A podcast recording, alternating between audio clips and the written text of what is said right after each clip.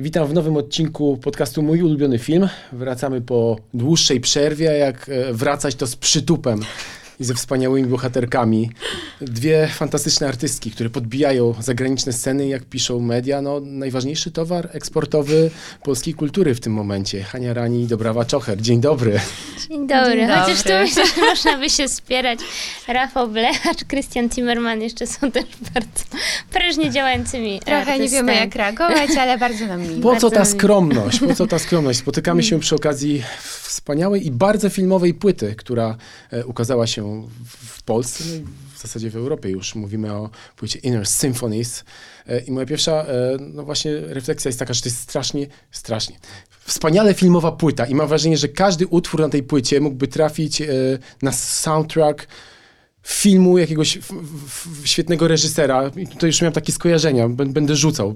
O- Otwarcie, czyli uwertura na przykład świetnie sprawdziłaby się w mrocznym filmie science fiction Denisa Villeneuve'a, więc jak będzie kręcił drugą część Duny, to mam nadzieję, że e, trafi na to. E, myślałem tutaj też na przykład o ko- kończącym tę płytę Spring, które świetnie sprawdziłoby się na przykład u Paolo Sorrentino w trzecim sezonie O. Młodego Papieża. O, no to tutaj akurat tematyka bardzo mi bliska i wielki komplement.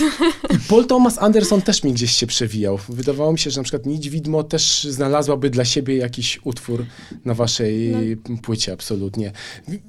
No tutaj zdecydowanie w ogóle nawiązujemy do Paula Thomasa Andersona z There Will Be Hope, to jest taka gra słów.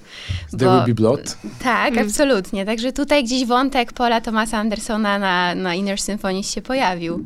No właśnie, w wywiadach wspominaliście o tym, że to jest płyta utkana z waszych inspiracji e, filmowo-muzyczno-literackich, więc chciałem popytać na początek, zanim przejdziemy do prześwietlania e, waszego e, filmowego gustu, a propos tych e, filmowych inspiracji na tej płycie. E, Paul Thomas Anderson już ustaliliśmy. Tak jest. Numer jeden. Ale co jeszcze poza tym? Z filmowych, Mhm. tak? Mm, znaczy, mm, na pewno bardzo dużo słuchałyśmy w tym czasie, kiedy tworzyłyśmy Inner Symphony z Johanna Johanssona i y, na pewno obie uwielbiamy film Arrival, do którego on napisał tutaj soundtrack, więc myślę, że tutaj bardzo silna inspiracja. I też e, i słuchałyśmy jego muzyki, która tak, tylko zostały w jakiś szkic w zasadzie, a, a potem też y, ten utwór, ten soundtrack został dokończony wraz z jego wszystkimi współpracownikami, również z Hildur Gudnadottir, która też jest naszą inspiracją, bardzo mocno, szczególnie wiolonczelową i taką pod względem atmosfery. E, The First and the Last Man to taki film, który chyba trudno trochę zobaczyć, e, nie wszędzie go, go można zobaczyć, ale na pewno on chyba na Nowych Horyzontach był Tak. pokazywany. E, ja nie widziałam. A widziałeś już, tak? e, nie, Nie. widziałam, ale to był debiut reżyserski Johanssona. Dobrze pamiętam. Tutaj nie, nie mam jakiejś dziury. Tego nie wiem. Na pewno ten. Ja nie, nie dużo wiem o tym filmie, bo wiem właśnie, że on był pokazywany w sumie e, w, w, Polsce. Można było go raz, chyba też Mubi go wyświetla albo wyświetlało, ale ten, ten soundtrack jest e, fantastyczny i, i, i właśnie on wtedy, jak mm, pracowałyśmy nad tą płytą, dopiero co się ukazał, więc był taką też nową jakąś energią, inspiracją. Ale oprócz tego jeszcze, jeszcze wiele, wiele innych. Mm, najróżniejszych Max Richter, który co prawda bardziej chyba em, tak dosłownie e, gdzieś tam krążyła wokół głowy em, to Vivaldi Recomposed, jego słynne, ale wiadomo muzyka e, do filmów i, i filmy, do której ogóle stworzył muzykę Philip Glass. E, też również, mm, nie wiem, dobra, kontynuuję, ale tych, tych, kon, tych filmowych inspiracji albo też soundtrackowych inspiracji e, lub oddzielnie samych filmów i oddzielnie soundtracków jest Znaczy ja, ja może też w ogóle powiem, że mnie niezwykle fascynuje już od wielu lat, zresztą Hanie też, muzyka Roberta Schumana. To już tak stricte mówię o mm, kompozytorze klasycznym. I y, ja też y, tworząc z Hanią Inner Symphonies bardzo dużo jakby myślałam o takim jakby dialogu pomiędzy dobrem a, a złem, pomiędzy światłem a ciemnością i, i w ogóle jakby ten wątek nadziei bardzo się przeplata u nas tutaj na płycie. I na pewno muzyka do Fanny Alexander, czyli y, kwintet y, fortepianowy S-dur, który jest prostu arcydziełem no, mojego życia utworem. Y, Także też dużo o tym myślałam i, i tutaj na pewno też y, na przykład w utworze Dunkel ta inspiracja też się pojawiła. Dunkel, który też został wykorzystany y, jako rodzaj promocji serialu Otwórz y, oczy. Netflixa miałyście taką mhm. piękną instalację i fantastyczne wizualne doświadczenie. Wy się znacie od ponad 15 lat, prawda? Tak. A pamiętacie swoje pierwsze wspólne wyjście do kina? Do kina nie, ale na pewno ja mm, na pewno bardzo mocno pamiętam to, co mnie e, ukształtowało. To były wspólnie obejrzane filmy, ponieważ my mieszkałyśmy razem na studiach, e, więc y, Dobrawa jeszcze dużo więcej tych filmów i seriali oglądała niż ja ale mm, rzeczywiście... Ania była typem ćwiczącym, tak. ja wtedy byłam typem oglądającym.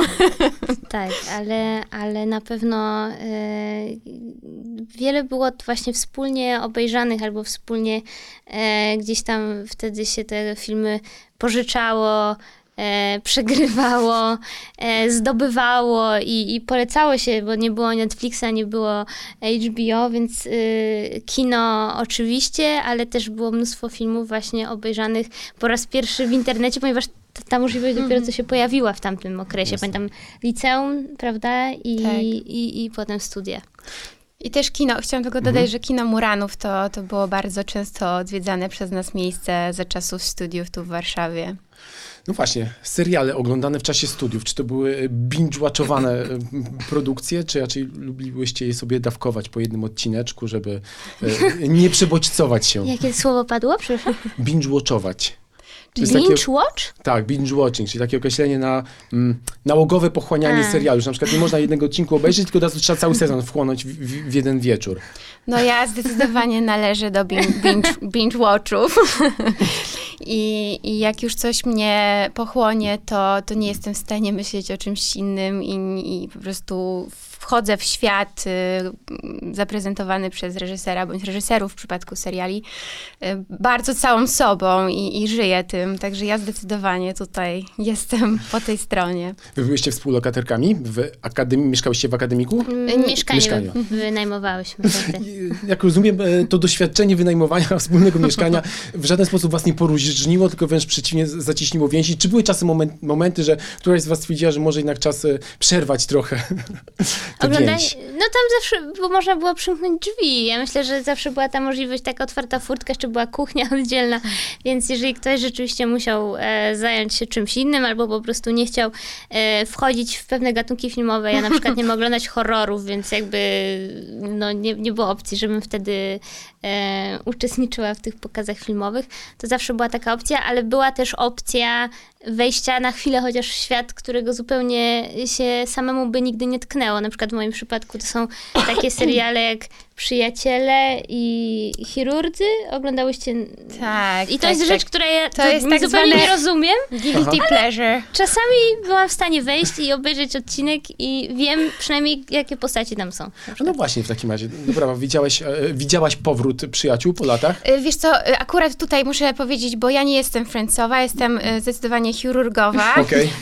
Tutaj jeszcze była nasza trzecia przyjaciółka Cornelia, która pochłania Friendsów, także akurat każda miała jakieś tam swoje tak. y, swoją przestrzeń i swoje największe miłości serialowe czy to filmowe, ale no gdzieś to tam się przewijało y, i, wiem, że był ten odcinek i wiem, jeszcze to mnie może czeka, może kiedyś odkryję ten fenomen Friends. A śledzisz jeszcze w takim razie chirurgów? Oj nie, y, chyba... Jeszcze oni trwają? Tak, cały czas. Naprawdę? Chyba na dziesiątym sezonie jednak mi się znudziło albo coś się stało takiego, że jednak zdecydowałam, że może sięgnę po coś ambitniejszego.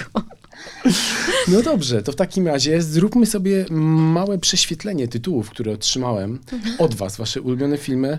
Od kogo by tu zacząć? A może w takim razie od Hani, ponieważ y, pierwszy film na, z tych dwóch, które zostały wymienione, idealnie kojarzy mi się takim cytatem, z wywiadu, którego udzieliłaś. Jesteśmy przebodźcowani przez otaczającą nas szaloną rzeczywistość. W tym, co robię, dążę do wskazania drobnych detali, tych różnych zwykłości, które dla mnie mają wielkie znaczenie. I to się świetnie klei z filmem Sztuczki Andrzeja Jakimowskiego. Film o małych eee. detalach i drobnych, magicznych elementach no, zwyczajnego ja życia. Ja mam wrażenie w ogóle, że ten film e, mnie nauczył tego. E, I bym nigdy czegoś takiego chyba nie powiedziała, gdyby nie ten film. E, I też y, ostatnio w ogóle jak dostałam od was to zapytanie, zaczęłam się zastanawiać, bo to jest oczywiście bardzo trudne powiedzieć, trochę bez sensu też, jakby nie jest możliwe wskazać jeden ulubiony film, bo tych filmów, tych y, obrazów jest tak dużo, tak samo ulubionego wykonawcę czy kompozytora. Ale jest coś takiego, że dzielę właśnie filmy na te, które wydają mi się świetnymi filmami. Mhm. I też mogę nazwać je ulubionym filmem, i na te, które wydaje mi się, że uczuciowo traktuję jako ulubione filmy i one na przykład zmieniły mnie jako człowieka. Niekoniecznie może nie wiem, nie znam się też na tym na tyle, żeby powiedzieć, że to jest genialny film i każdemu on się spodoba, bo są takie filmy, które możesz powiedzieć, że to jest świetny film, jest tak genialnie zrobiony, że on każdego pociągnie. Nie wiem, czy sztuczki wszystkich pociągną, ale dla mnie on był takim e, zmieniaczem mojego życia i, i rzeczywiście percepcji świata, również pod względem muzyki filmowej. No właśnie, pamiętasz pierwszy seans tego filmu, to nie wiem, być może był warszawski festiwal filmowy, pamiętam, że tam miał na przykład premierę. Czy trafiłaś na niego zupełnie przypadkowo gdzieś już potem w dystrybucji dystrybucji kinowej albo jeszcze później? Nie, po prostu to obejrzałam go w domu z ukochaną osobą i to wystarczyło, ale um, zupełnie to był też takim, nadal mam w sobie pewien, e, muszę powiedzieć, e, trochę... Mm, pewną niepewność, jeżeli chodzi o polskie filmy. Nie jestem mhm. do nich, e, szczególnie współczesne kino, nie jestem do niego tak bardzo przekonana. E, albo jest niewiele takich przykładów, które na, właśnie potrafią mnie przekonać. E, mówię o takim kinie bardziej może niezależnym, bo też nie bardzo śledzę kino e, gdzieś tam masowe. To kino śledzi ciebie i zgłasza się z Właśnie.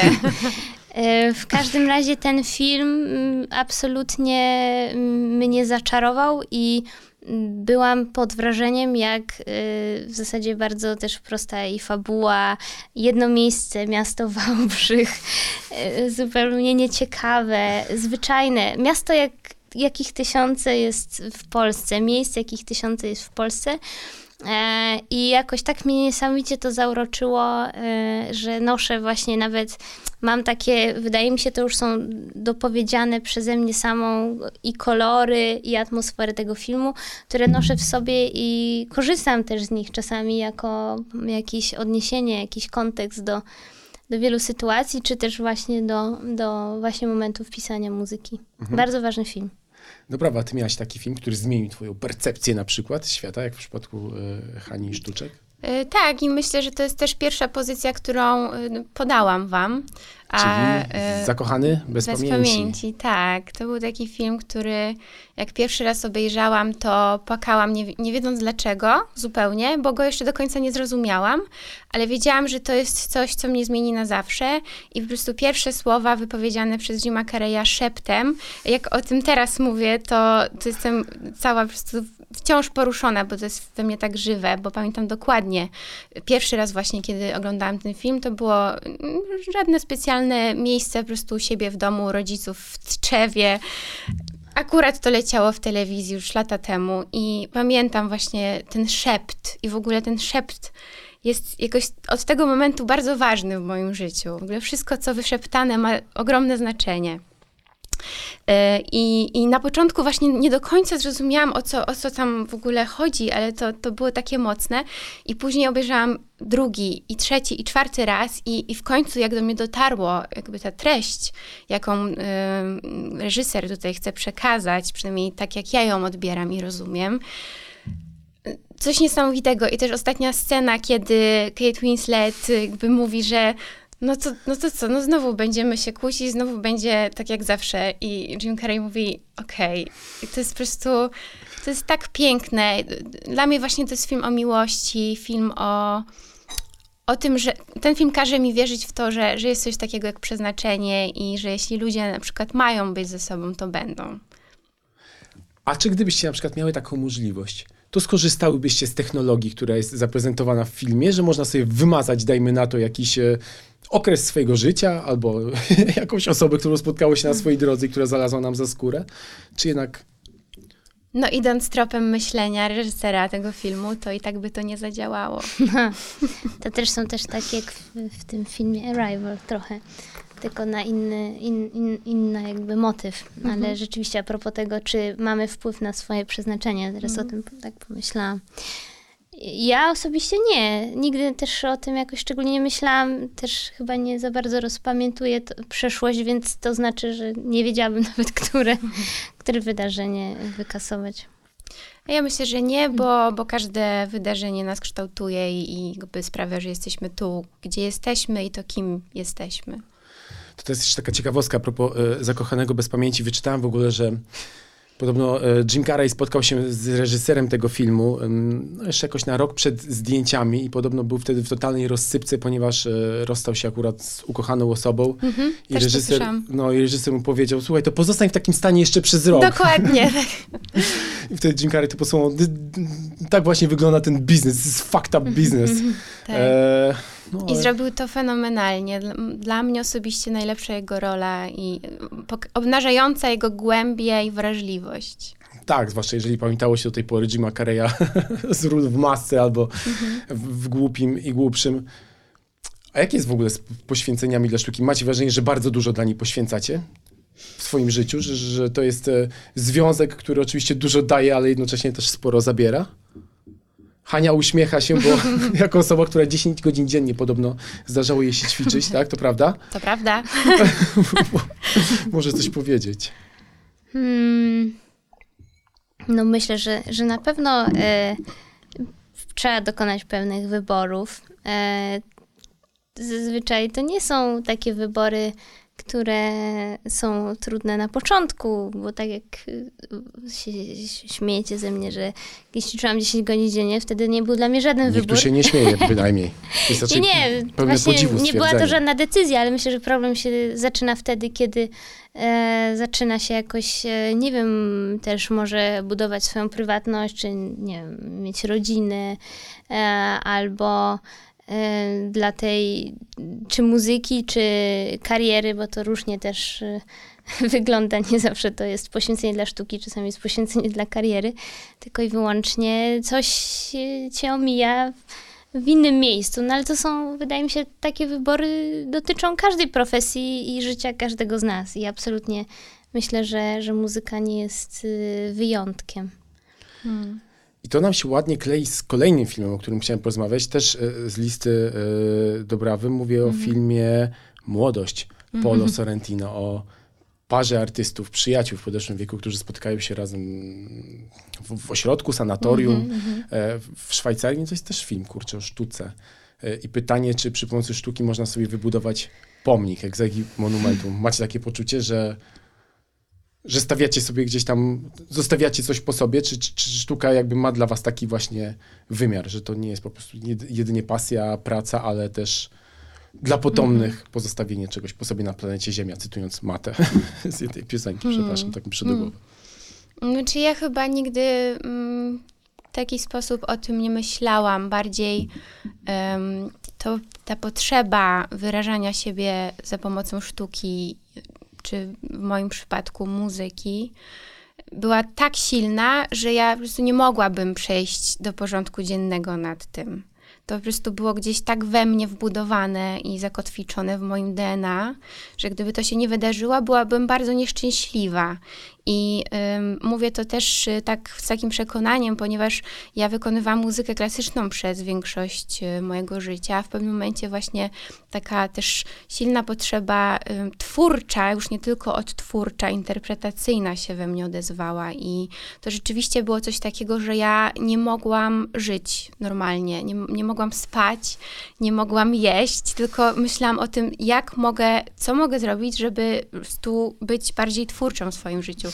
No i, i się pojawiły różne pewne okazje i, i piękne możliwości, które mi to pozwoliły zrealizować.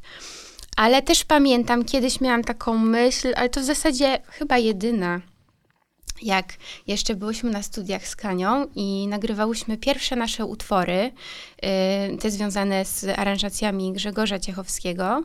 I miałam taką myśl, kurczę, y, że to nagranie, ono będzie prawdopodobnie żyło gdzieś w przestrzeni dłużej niż ja.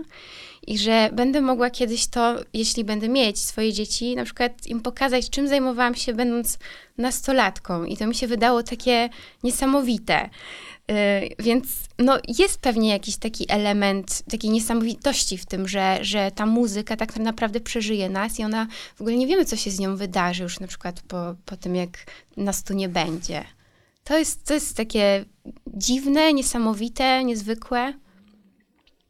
W przypadku Hani chyba też było podobnie, nie? że w sensie jakby pojawienie się instrumentu na, nagle sprawiło, że y, trudno było po prostu bez niego żyć, nie? E, tak, na pewno. Ja y, też myślę, że my się w ogóle staramy y, za, jakby bardzo odpowiedzialnie do tego podchodzić w jakimś sensie, y, pomimo tego, że, że może rzeczywiście nie kalkulujemy, czy to zbuduje nasz pomnik, ale mm, z jakimś takim też wielkim szacunkiem do tej całej tradycji i historii, mm, którą y, mogłyśmy poznać. Nie każdemu jest to dane, żeby móc jakby obcować z w zasadzie całe życie z tak ambitną i wspaniałą sztuką, jaką, jaką my byłyśmy tak naprawdę cały czas otalane, przesiąknięte.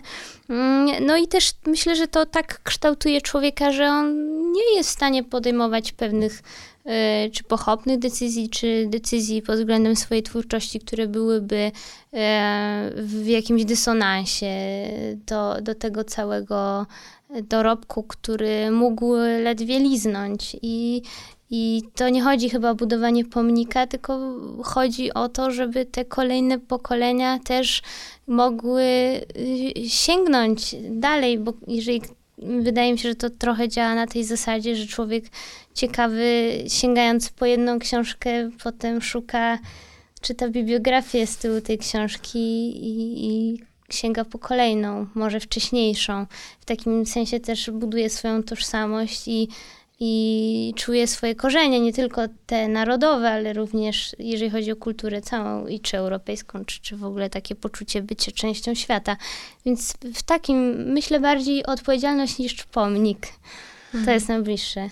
No właśnie, bo ostatnio też w redakcji zastanawialiśmy się nad tym, czy jeżeli ktoś powiedzmy realizuje film, film zostaje uznany za arcydzieło w czasach, kiedy jego twórca żyje i, i pytanie jakby, czy, czy, czy ten film zawsze będzie traktowany jak arcydzieło, czy przychodzą kolejne pokolenia, które jakby zupełnie nie będą kojarzyć tego tytułu i w jaki sposób mogą do niego wrócić. I być może jest tak, że dzięki nawiązaniom, dzięki temu, że, że, młode pokolenia twórców sięgają po, dajmy na to film, inspirują się nim, jasno te inspiracje gdzieś tam przemycają w swoich dziełach, jest szansa na to, że do tego filmu potem będzie można wrócić. Więc pewnie podobnie jest w przypadku muzyki, że też miałyście, e, odkrywałyście być może jakichś nowych idoli wśród bardzo e, starych twórców właśnie za sprawą powiedzmy nowszych dzieł, których, których słuchałyście i potem nagle się okazywało, że wow, jest coś jeszcze, jest jeszcze jakby jakiś kolejny korytarz, przez który można dojść do e, muzyki, o której wcześniej powiedzmy nie miałyście no, pojęcia. Myślę, że to jest y, pierwszy element sztuki, która jest wielowymiarowa, a nie tylko czerpie z inspiracji jednej osoby, która właśnie jedyne co szuka w tej muzyce to e, wyrażenia gdzieś tam siebie albo pokazania siebie, no bo wtedy to jest bardzo okrojone tylko do jakiegoś kosmosu jednej osoby, a tutaj, kiedy my jakby, mam nadzieję, staramy się jakby wejść i też gdzieś tam przedstawić ten, to właśnie tą, tą całą historię, którą ktoś nam pokazał, bo to jest w jakimś sensie mogło się tak w ogóle nie wydarzyć. Mogłyśmy się urodzić w miejscu, gdzie tej szkoły muzycznej nie ma i może nigdy nie dotrzeć do, do tego wszystkiego, co było nam dane. To jest wielkie szczęście. Nie każdy ma możliwość w ogóle żyć w kraju, w którym mm. ta edukacja w taki sposób wygląda, że, że dzieci mogą chodzić do szkoły muzycznej i, i to jeszcze za darmo. Też miałyśmy taką rozmowę z Dobrawą przy okazji innego wywiadu, mm -hmm. że jednak to jest ewenement i, i że ten, ta dostępność tak muzyki jest ogromna to nie jest wcale mm. takie um, oczywiste, że mm szkoła muzyczna pierwszego stopnia jest publiczną i darmową. Mm -hmm. A jest też tak, że szkoła y, muzyczna wykuwa charakter?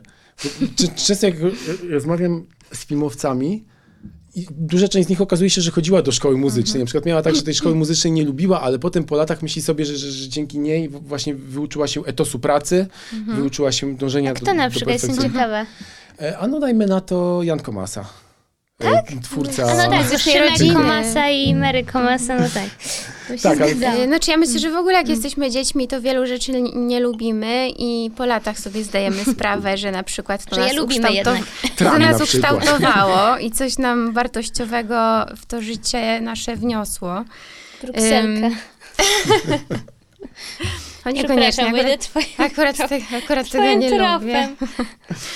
Ale na pewno tak, na pewno y, dyscyplina i, ale y, tak naprawdę ta dyscyplina to, to nie jest najważniejsze, co szkoła muzyczna y, moim zdaniem, czego nas nauczyła, tylko y, nauczyła nas bycia wrażliwym na piękno, bycia czujnym obserwatorem świata.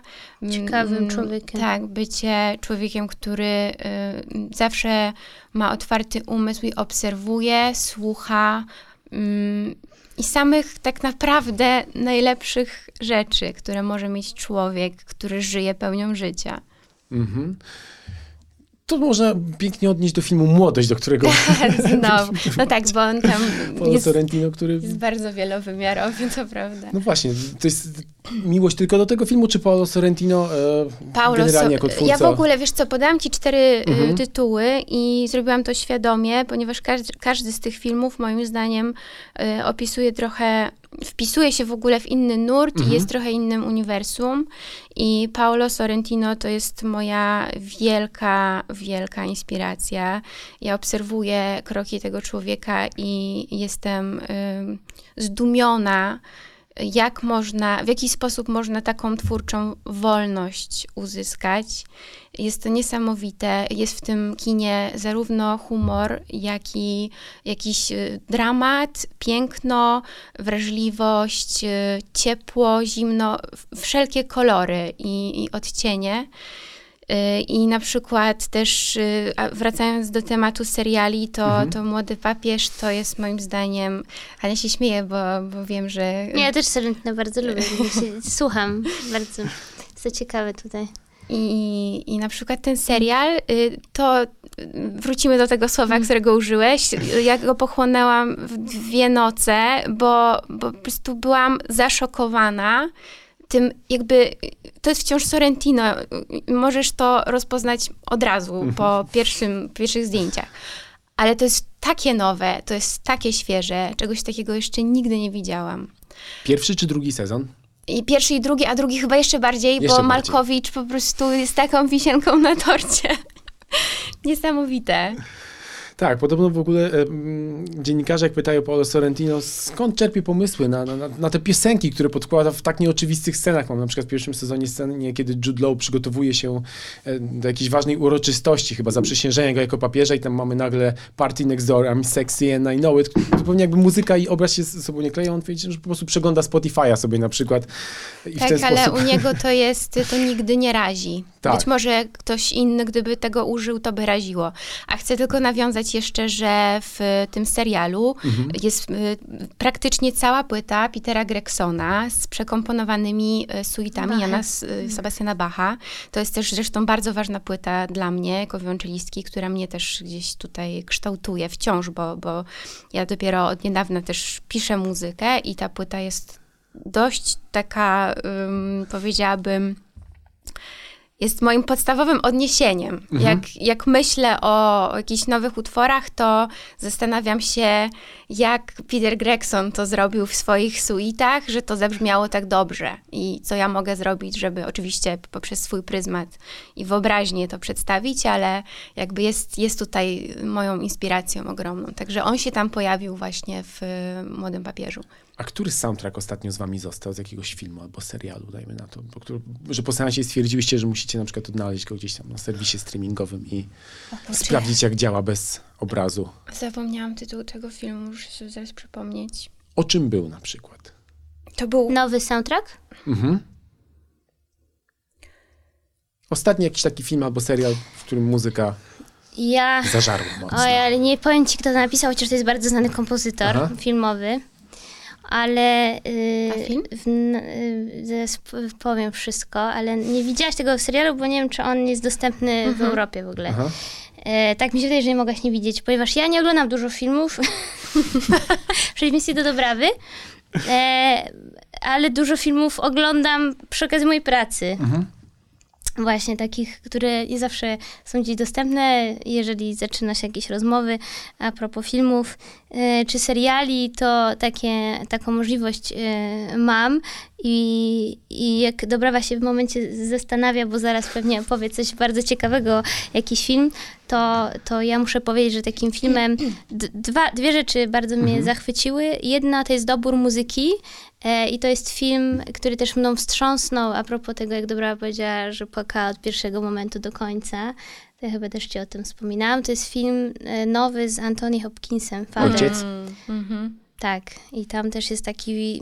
W ogóle mnie bardzo. mm, To, co muszę powiedzieć z takiego mojego backgroundu klasycznego, nie wiem, czy ty też tak masz, bardzo doceniam skrupulatny dobór muzyki klasycznej w filmach. Oj, tak, Na zdecydowanie. przykład Paweł Pawlikowski na końcu Idy wybrał em, chorał um, Bacha, który jest w bardzo specjalnym i dobrym wykonaniu i też y, ro, rok tego wydania ma znaczenie.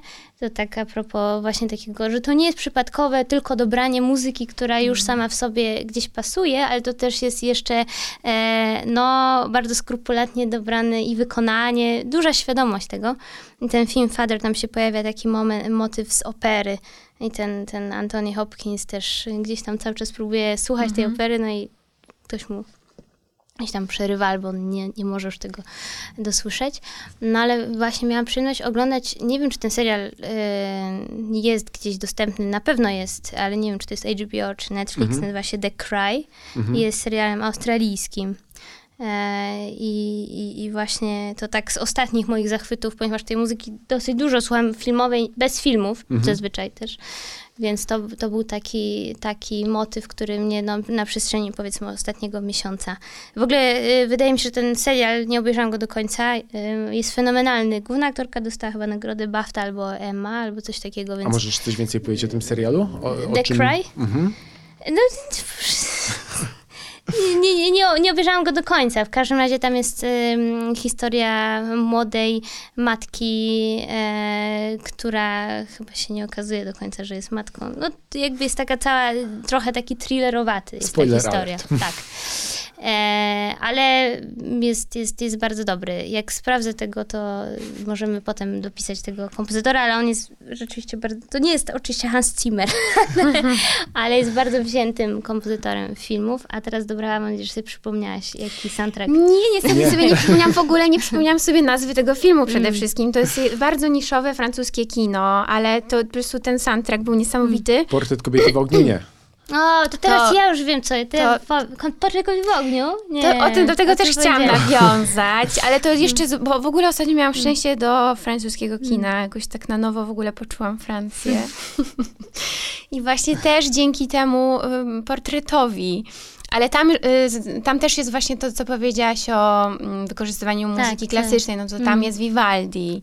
I ten Vivaldi w ogóle jest też y, bardzo ważny, bo, bo główna bohaterka go wykonuje i później ten utwór staje się niejako takim miłosnym, jakimś rozmową Mm, miłosną mm, pomiędzy mm. tymi dwiema bohaterkami. Mm. A to zresztą też genialny, genialny film. Ale jeszcze e, z takich soundtracków też niesamowitych, co rzeczywiście teraz sobie już przypomniałam dokładnie. Na, za to dokument Dogs Against Gravity, ale nawet już o tym też mówiłam. Jest film o mm, Alvarze i Aino Alto, architektach fińskich. I soundtrack jest napisany przez. Zresztą dokumenty to jest kolejna osobna historia, jeśli chodzi o muzykę, bo tej muzyki jest bardzo dużo tam, więc y, pisząc muzykę to jest w ogóle świetny też taki kierunek, nie wiem, jak ktoś ogląda z młodych kompozytorów filmowych, żeby y, te filmy eksplorować, bo jest dużo więcej w nich muzyki niż w normalnym fabularnym kinie. E, ze względu na specyfikę kina, bo muzyki jest potrzebny też pod dialogi, jakby pod rozmowy, jakby inaczej trochę to wygląda. I jest e, fińska kompozytorka. Napisała muzykę, która e, w zasadzie uosabia architekturę, przestrzenie tych wszystkich projektów, które oni robili. Jest to coś niebywałego, w ogóle polecam. E, zachwycające, absolutnie. Film jest też zachwycający, jest wspaniale zrobiony e, i, i ta muzyka absolutnie tutaj, właśnie w takim dokumencie, gdzie tej fabuły de facto nie ma, tak? Tylko, że jest jakaś historia, którą trzeba ciekawie opowiedzieć, ona właśnie y, daje takiemu człowiekowi, który na przykład nie ma dużej wyobrażenia na temat architektury, albo nie interesuje się, od razu to poczucie, jaka ta architektura jest i jakie daje poczucie tym ludziom, którzy mogli e, w niej przebywać. E, także to tak z ostatniego takiego mhm. miesiąca e, te, te, te, filmy, które, które akurat mnie tak zachwyciły bardzo mocno. Hmm. Padło nazwisko Hans Zimmer. bardzo czy ten, dobrze. Czy tenże kompozytor, e, kurczę, on ma wrażenie, że wzbudza mimo wszystko kontrowersje w środowisku kompozytorów filmowych. Część uważa, że jest oczywiście gwiazdą i jego soundtracki mnóstwo wniosły jakby do produkcji. Myślę sobie na przykład o Mrocznym Rycerzu, jego słynny chwyt, żeby zastosować żyletkę e, bodajże przy wiolonczeli, dzięki czemu był motyw Jokera nie wyrażał szaleństwo, mm -hmm. ale jest też dużo osób, które twierdzi, że on się po prostu powtarza, e, robi soundtracki taśmowo, no, pracuje przy, przy, pomocy no. ghostwriterów, mm. więc jak to jest? Lubicie Zimmera i, i jego niemiecki sznyt, że musi być dobra melodia i konkretne basy? Przy takiej ilości filmów, które on robi, to jest w ogóle zachwycające. Naprawdę, to jest tak ciężka praca zrobić jeden film. I oczywiście on musi korzystać i z aranżerów, i z ludzi, którzy orkiestrują, i, i z producenta, bo to by było niemożliwe. Nawet dużo mniejsze nazwiska korzystają z całej tej plejady e, ludzi, którzy tworzą w ogóle te soundtracki. W ogóle też tworzenie wielkich soundtracków to jest fascynująca historia, jak wiele osób, nawet na muzykę, to nie jest bardzo rzadko to jest jedna osoba, i trudno się nie powtarzać, e, robiąc tyle filmów. On, to jest też jego styl, tak? No, hmm. I, i, I ja nie mam, nie mam też jakiejś ogromnej wiedzy poza tymi takimi motywami, które wszyscy znamy. Nie zasłuchuje się w muzyce Hansa Trimmera, ale mm -hmm. absolutnie uważam, że jest w jakimś sensie genialna i, i zapoczątkowała na pewno też e, jakąś niesamowitą historię. Stworzyła te filmy, dała im też wielu z nich e, bardzo silną tożsamość. Tak, ja myślę, że on jest w ogóle taką żywą legendą i człowiekiem, Sam który... Williams. Chociaż tak. Williams bardziej skłaniam do Williamsa. W jakimś sensie może dlatego, że jest że... takim kochanym dziadzie. W ogóle chyba ta wrażliwość I jest Harry nam... Potter. I ta muzyka też bliższa. tak bogatsza mi się ciepła, wydaje jest ciepła, jest, że tam jest no. mnóstwo instrumentów, które się słyszy po prostu w tle. No. Ale to też, ja myślę, że to jest kwestia doboru odpowiedniej muzyki do, do filmu. Tu też ciężko powiedzieć, kto jest lepszy, kto jest gorszy. Ktoś może po prostu subiektywnie nam bardziej odpowiadać. Tak, tak, jak tak. Williams, tu, tu, chyba w trójkę się zgadzamy. Mm. Ale ten Zimmer, ja myślę, że on w ogóle wyznaczył jakiś nowy kierunek, w, jeśli chodzi o muzykę filmową i wszyscy ludzie, którzy tworzą ten rodzaj muzyki, powinni być mu tak naprawdę wdzięczni, bo, bo on, ja mam takie poczucie, Chociaż że... taki pułap y, produkcji jest trochę niemożliwy prawie, że do, do dzisiaj do skonfrontowania z dzisiejszymi jakby budżetami filmowymi. To jest już rzadkość. Bardzo rzadko te, takie filmy też bardzo mocno kino niszowe się rozwinęło mhm. w ostatnich czasach, więc te, mhm. myślę, że takie kon, budżety jego orkiestr i, i, i solistów Jojoma mhm. i tak dalej, to nie wiem, czy są do powtórzenia. No, wszystkie najważniejsze tytuły w zasadzie w tym roku z nim. E, Nie czas umierać Bonda, Hans Zimmer razem z Billie no tak. Eilish zrobili piosenkę. No tak. Duna też oczywiście tak. Hansa Zimmera i pewnie już szykuje muzykę do nowego filmu Christophera Nolana. zdjęcia mają się zacząć w przyszłym roku. Hmm. Dobrze, ale wracamy w takim razie do ulubionych filmów, a tymczasem na liście Uchani e, film będący zupełnie antypodach tego, co e, mogliśmy zobaczyć w sztuczkach, czyli cztery miesiące, trzy tygodnie, dwa dni. Zdobywca... I razem go zobaczyłyśmy. Widziałyście go razem. E, tak. zdobywca Złotej Palmy w 2007 roku. Film opowiadający o Rumunii lat 80., nakręcony w 2006 roku, i ciągle aktualny, niestety. Christian Mungiu, jeszcze chciałabym to wspomnieć, bo tu też pewnie tak jak Dobrawa, jej tytuły były jakąś początką też, y, mhm. początkiem opowieści w ogóle, jakie, jaki styl w kinie ją interesuje.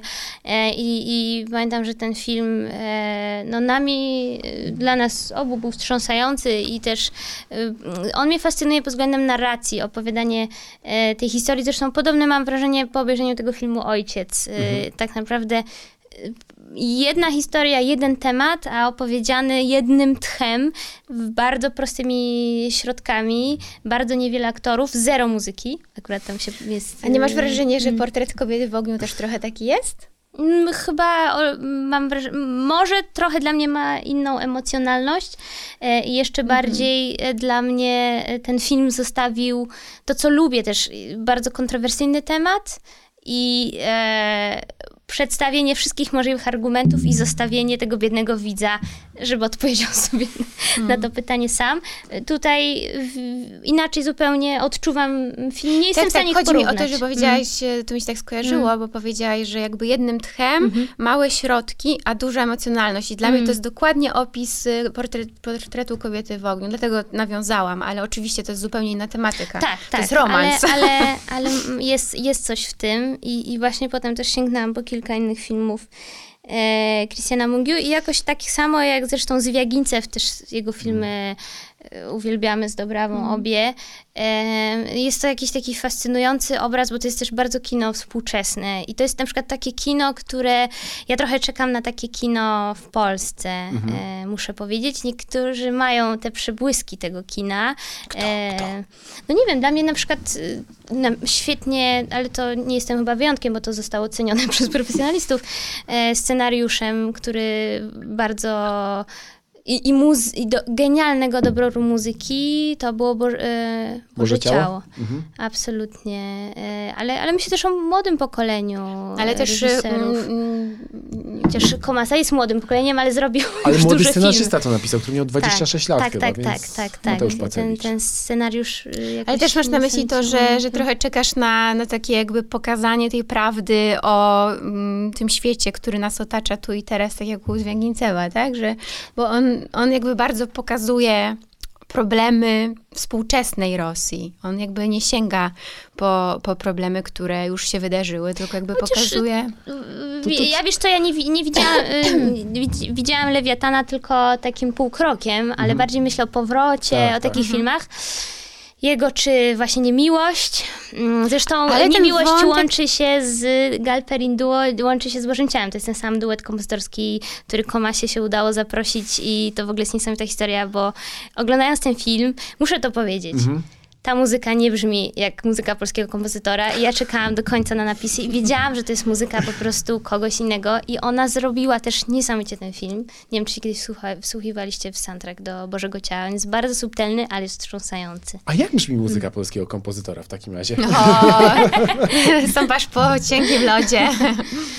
Nie, jest też, jest też fajne. Może dlatego, że my ją znamy, to tak jak nasze, właśnie mówię, że czekam na inne kino, bo hmm. trochę znamy, też te tematy są bardzo mocno dla nas y, tak często bliskie, czy myślę tu, nie wiem, o Piotrku Domalewskim, który robi filmy często o właśnie emigracji zarobkowej, albo o Smarzowskim, który po prostu cały czas to bajoro gdzieś tam patykiem e, próbuje rozmemłać, żebyśmy jeszcze raz przyjrzeli się tym naszym narodowym błędom, że może czasami po prostu to jest jakaś potrzeba, dlatego też te kino inne nas tak fascynuje, bo mówi o uniwersalnych jakichś takich rzeczach bliskich e, ponad ponad językami, tak? I ponad narodami. I mi czasem, dlatego też mówię, trochę w muzyce może mi tego brakuje, ale nie, nie mówię, że nie ma takiej muzyki, ale gdzieś tam może ją wyczuwam, a z drugiej strony cały czas ona jest, yy, wiesz, to jest y, nieodłączna część tego obrazu, więc może gdyby ta muzyka, tak jak Stefek Wesołowski robi teraz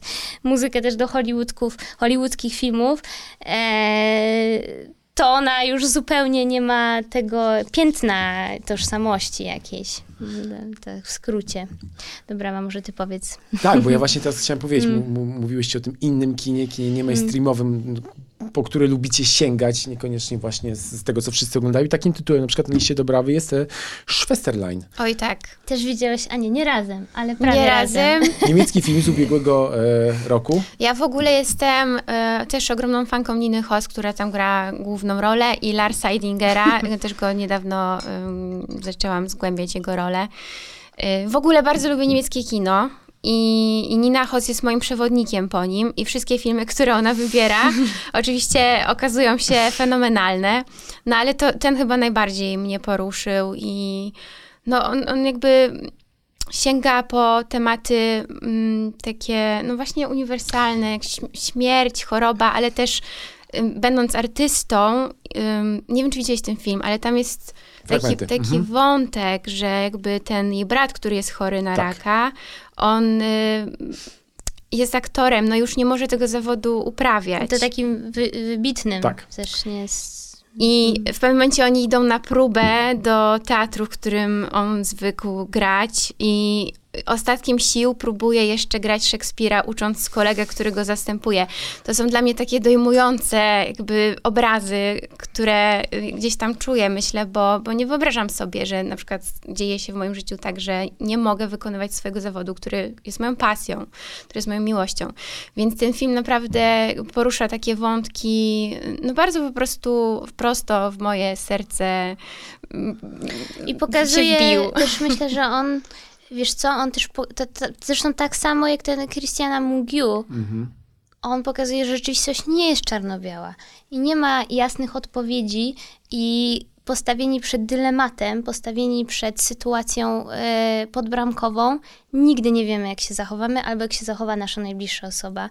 I to w tym filmie jest e, też fenomenalne, że on jest tak naprawdę właśnie stworzony to jest ciekawe, bo to można by powiedzieć, że e, reżysera z kraju rozwijającego się, w sensie, że z jakiegoś takiego już e, z, osadzonego w rzeczywistości, tak, tak się domyślam, a on dotyka bardzo kruchych e, rzeczy i, i, i, i, w taki sposób właśnie mm, pozostawiającym, y, wiesz, otwarte zakończenie I, i to w ogóle wydaje mi się, że jest y, też jakimś takim niesamowitą wartością dodaną do, do wielu filmów. Ja na przykład y, no to, to sobie cenię niez, niez, nadzwyczajnie, kiedy mam poczucie, że ten reżyser uważa, że widz, dla którego robi film, to jest człowiek myślący. inteligentny. No. Aż tak często niestety nie znajduje Mhm. się takich filmów, ale teraz jest sezon jesienno-zimowy, więc akurat Ale to takie nie, produkcje nie można do końca, wiesz, to jest wina reżysera, tylko trochę nas zmusza do tego i rynek. Umówmy się, producenci na przykład mówią, nie, wie pan, to się nie sprzeda, albo ta muzyka, i przecież ja też mam... Bo to, co producenci o, mówili tak. Hildur. Ostatnio byliśmy na jej takim... Miała wywiad po prostu i, Taki mały wykład w Mhm. zasadzie i powiedziała, że, że producent, jak powiedziała, że ma tutaj gotową muzykę i mu pokazuje, to jak ona brzmi, on mówi, że no świetne to jest, ale pani jest kobietą, więc tego typu argumenty. O, i to jest ciekawe, bo o tym też chciałem porozmawiać, ale mi się wydawało, że, że, że, że, może nie powinienem, bo to będzie trochę żenujące.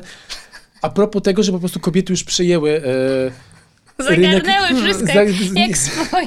Nie, nie, nie, nie, Właśnie chodziło mi o, o komponowanie na przykład na, na potrzeby filmów i czy to jest po prostu już nie warto o tym rozmawiać, bo to jest jasne po prostu, że, że kobiety rządzą teraz i, i e, może tworzą soundtracki, które absolutnie gdzieś tam wykraczają poza to, co, co, co, co, do tej no, pory nam się gdzieś tam na kojarzyło na, pewno- przykład.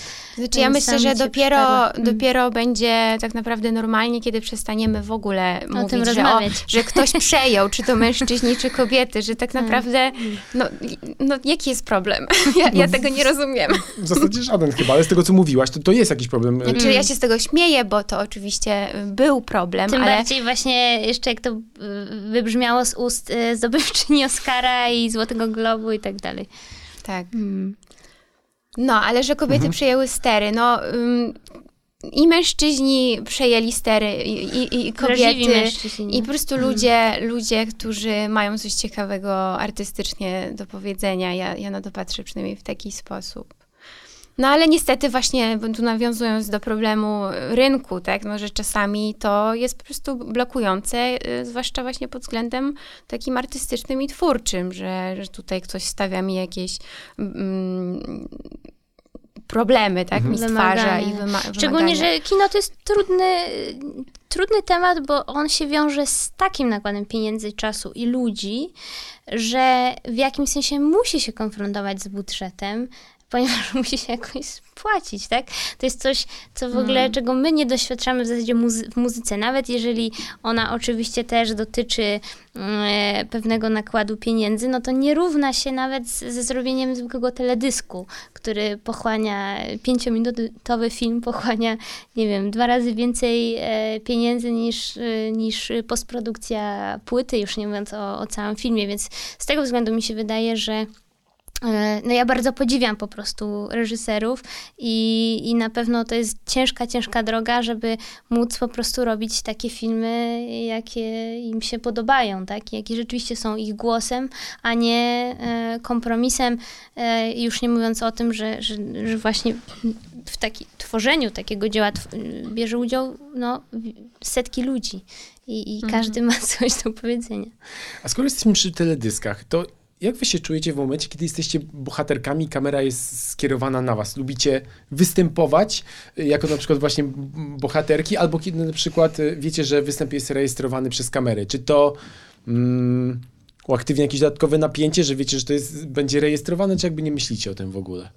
Znaczy na pewno, ja myślę, że my z Hanią jeszcze czekamy na jakąś propozycję reżyserską, gdzie nasze osoby będą jakimś ciekawym dodatkiem i to na pewno też zależy od tego, co właśnie ta osoba, która sprawuje jakąś wizję nad tym, y, co ma do przedstawienia. I jeśli ten nasz wkład w to ma sens, miałby mieć sens, bo tak naprawdę to w niewielu wspólnie teledyskach wzięliśmy udział, więcej zagrałyśmy powiedzmy koncertów, które były też y, rejestrowane. Czy live, sesji -hmm. to w zasadzie. Ale to też jest zupełnie inna historia, tak ja to tak mm, odbieram. Mm, tak, tak, zdecydowanie. Y, w każdym razie mam takie poczucie, że to jeszcze do nas przyjdzie, że, że będziemy być może jakąś częścią tej wizji reżyserskiej, ale to będzie miało po prostu jakiś głębszy sens.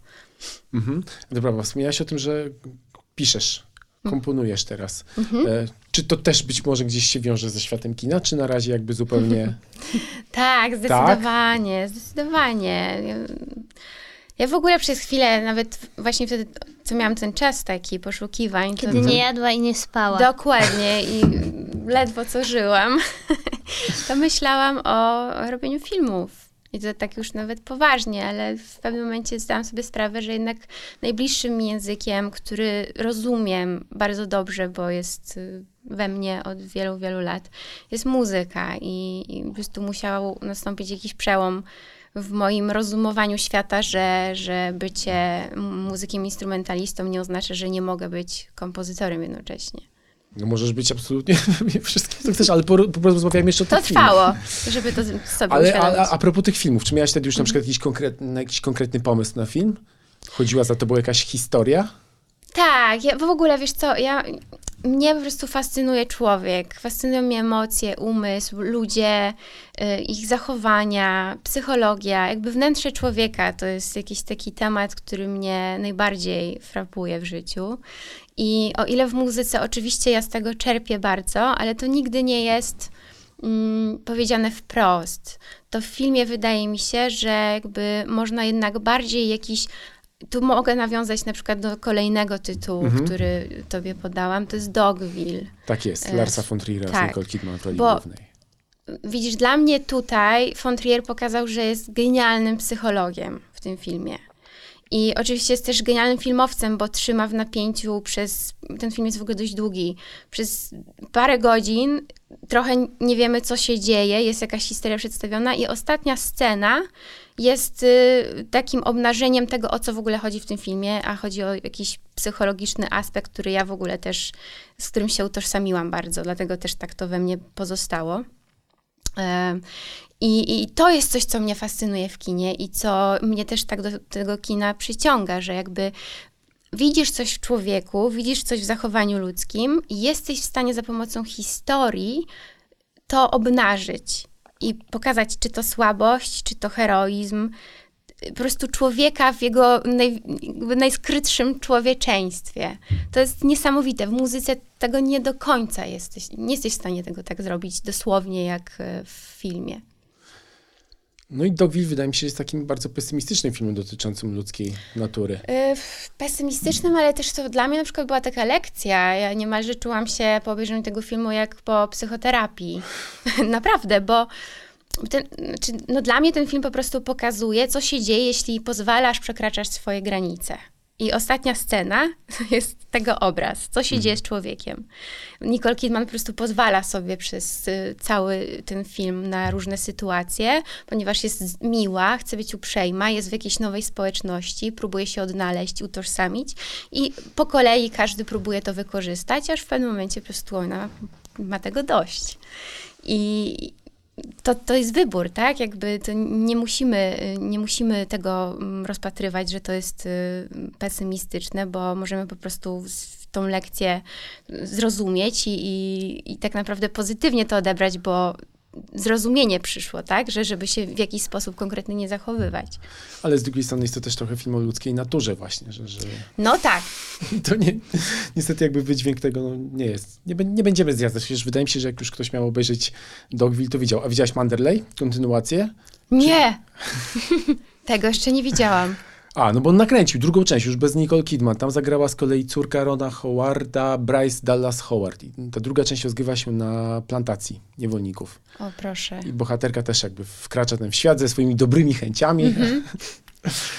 I potem miała być jeszcze trzecia część, ale podobno już się von Trierowi odechciało i nakręcił. No to widzisz, to dzisiaj wracam i oglądam. Ale już nie jest tak Ale dobra. wiesz, to, bo na przykład też Dogville to jest taki film, który ja obejrzałam raz i ja już więcej Aha. po niego nie sięgnę. Na przykład Zakochany bez pamięci. To jest film, który mogę oglądać na oko, jakby w kółko i, i za każdym razem wyciągnę coś nowego. Myślę, że tu też bym mogła wyciągać coś nowego, ale jakby to było dla mnie tak silne przeżycie i taka właśnie, taki strzał i lekcja y, na życie, że jakby ja ją odebrałam i ja już do niej nie wracam, po prostu. Wystarczy. A to jest też ciekawy wątek. Filmy, które zrobiły na nas wielkie wrażenie, ale za żadne skarby nie chcemy ich po raz drugi Enter zobaczyć. the Void. To był jedyny Noé. film, z którego chciałam wyjść z kina. Ale wytrwałaś do końca. Tak, ale rzeczywiście był... Ale z drugiej strony, ty nie widziałeś ten Ja w film? końcu tego nie widziałam. Ale to w kinie trzeba zobaczyć. Wydaje mi się, że w domu on nie zrobi takiego...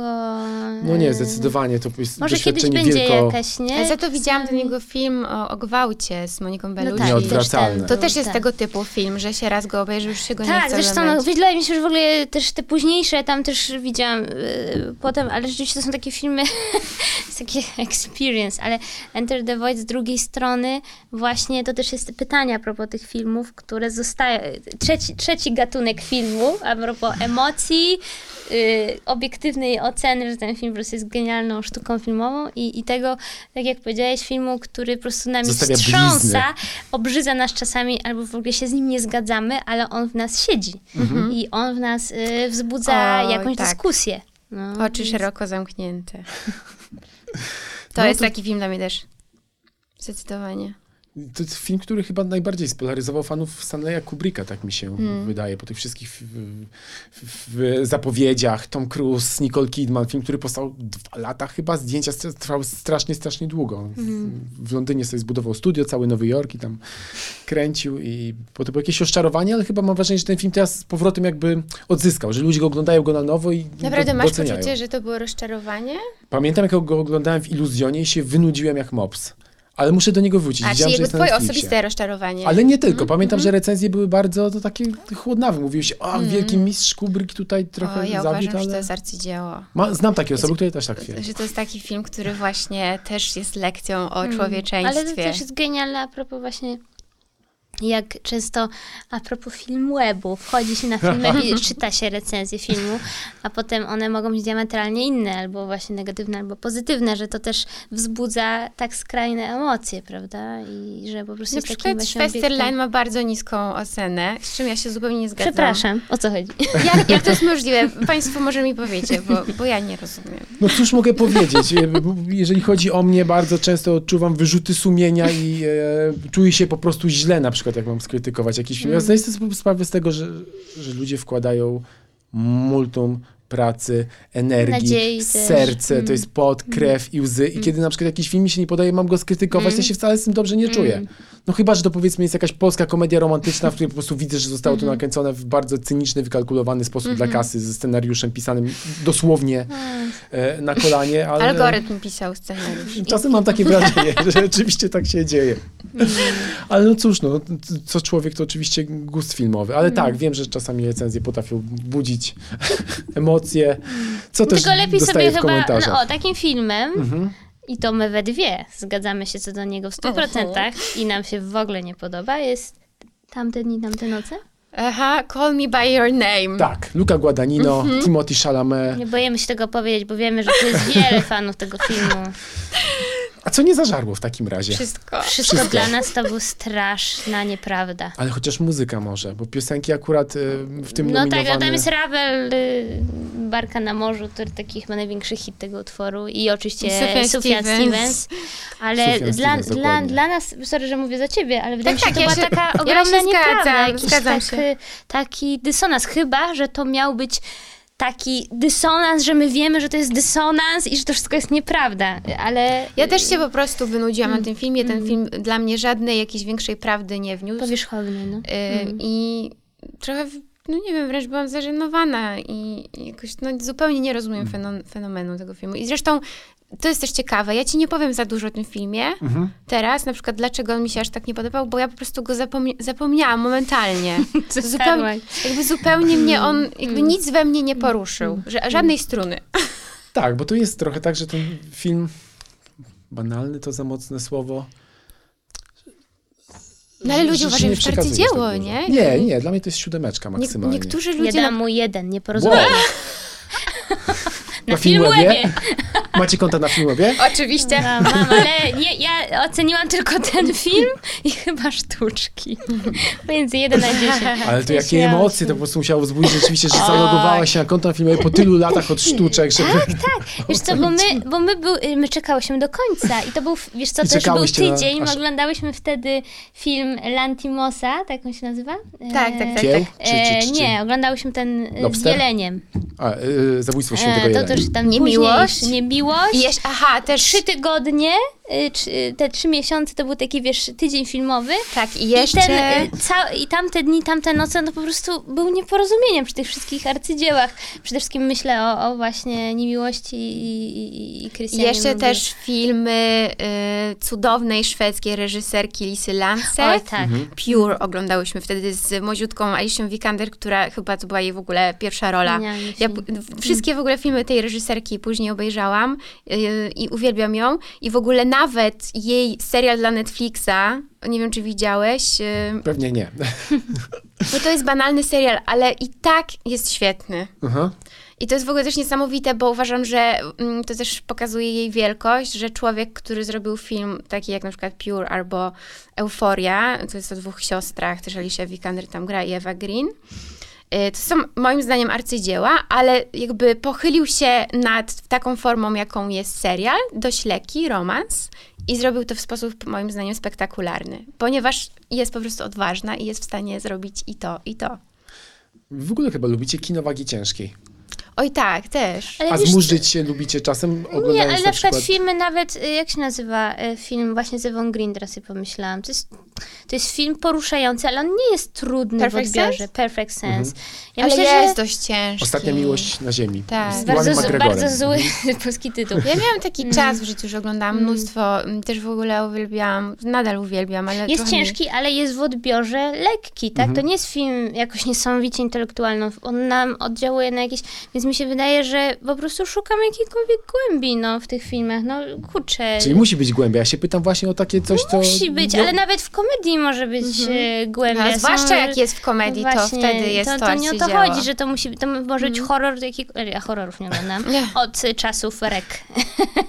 to był ostatni horror, który widziałam, niestety, ale to wydaje mi się, że po prostu jakakolwiek dociekliwość, wiesz, i, i tyle. I to nie, dlatego ktoś nam spyta guilty pleasure. Jakby nie ma guilty pleasure, są rzeczy, które są mainstreamowe, ale są świetne i, i, i tyle, no. No są też takie filmy, które na przykład ostatnio widziałem, Venoma 2.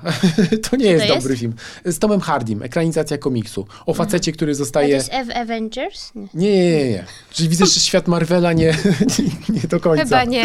Jest dla was terrą incognito. Nie, właśnie y, M- Marvela przypadkowo czasami oglądam e, i muszę powiedzieć, że takie filmy na przykład ja jestem, s- totalnie się wciągam w takie, w takie rzeczy, tylko że nie mam też czasu, żeby jakby sobie obejrzeć coś od początku do końca, ale jak coś leci, to ja, takie rzeczy mnie dużo bardziej wciągają niż chirurdzy i, i, i Ale nie patrz na przyjaciele. to, ja miałam No. wtedy ile, naście lat i Nie, oglądałam. nie, no, nie, nie, nie w tym sensie, tylko że a propos tego, co rozmawialiśmy wcześniej. Do ciebie mam dalej, więc na ciebie nie pokazuję. A czy wy się często kłócicie o filmy?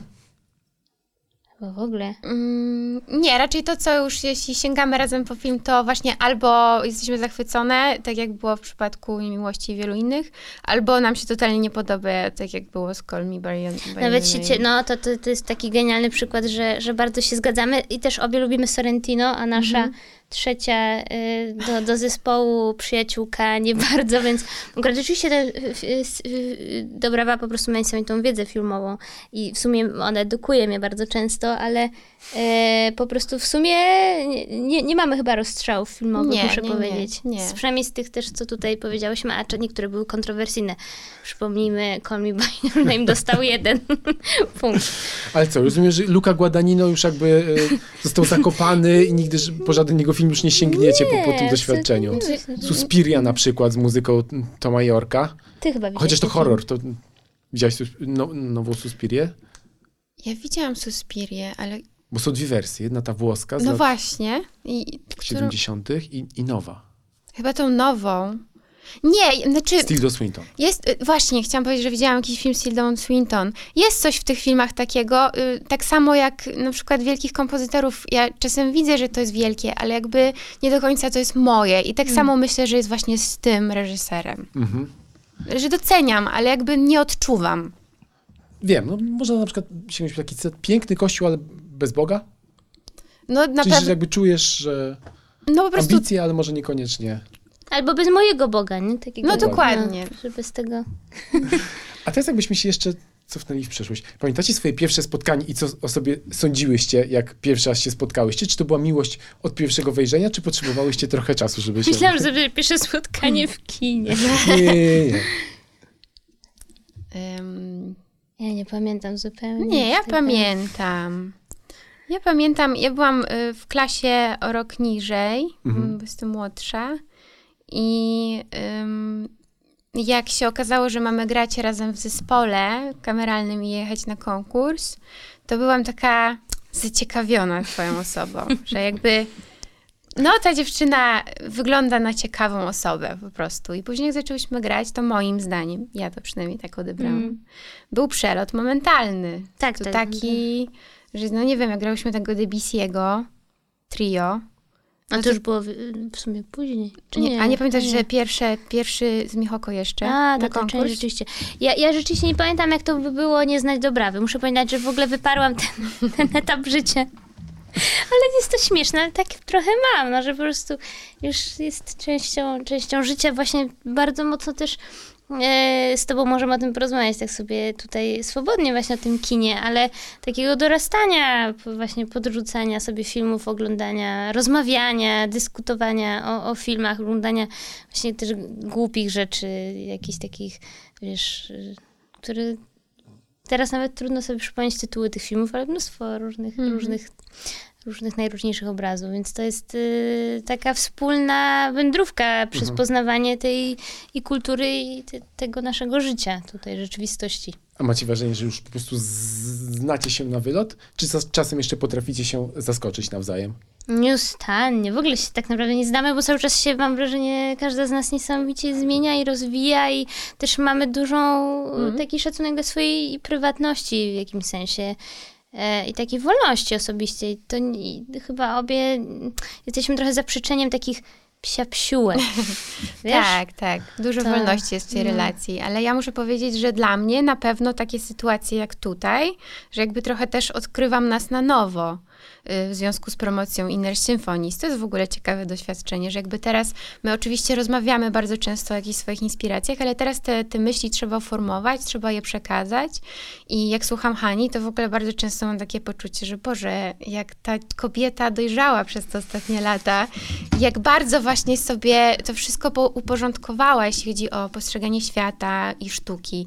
I bardzo to jest dla mnie takie piękne w ogóle Ja muszę powiedzieć, to. że też mam takie odczucie. A szczególnie dzisiaj y, bardzo, bardzo tutaj z otwartym uchem e, słucham, bo Z tym tutaj.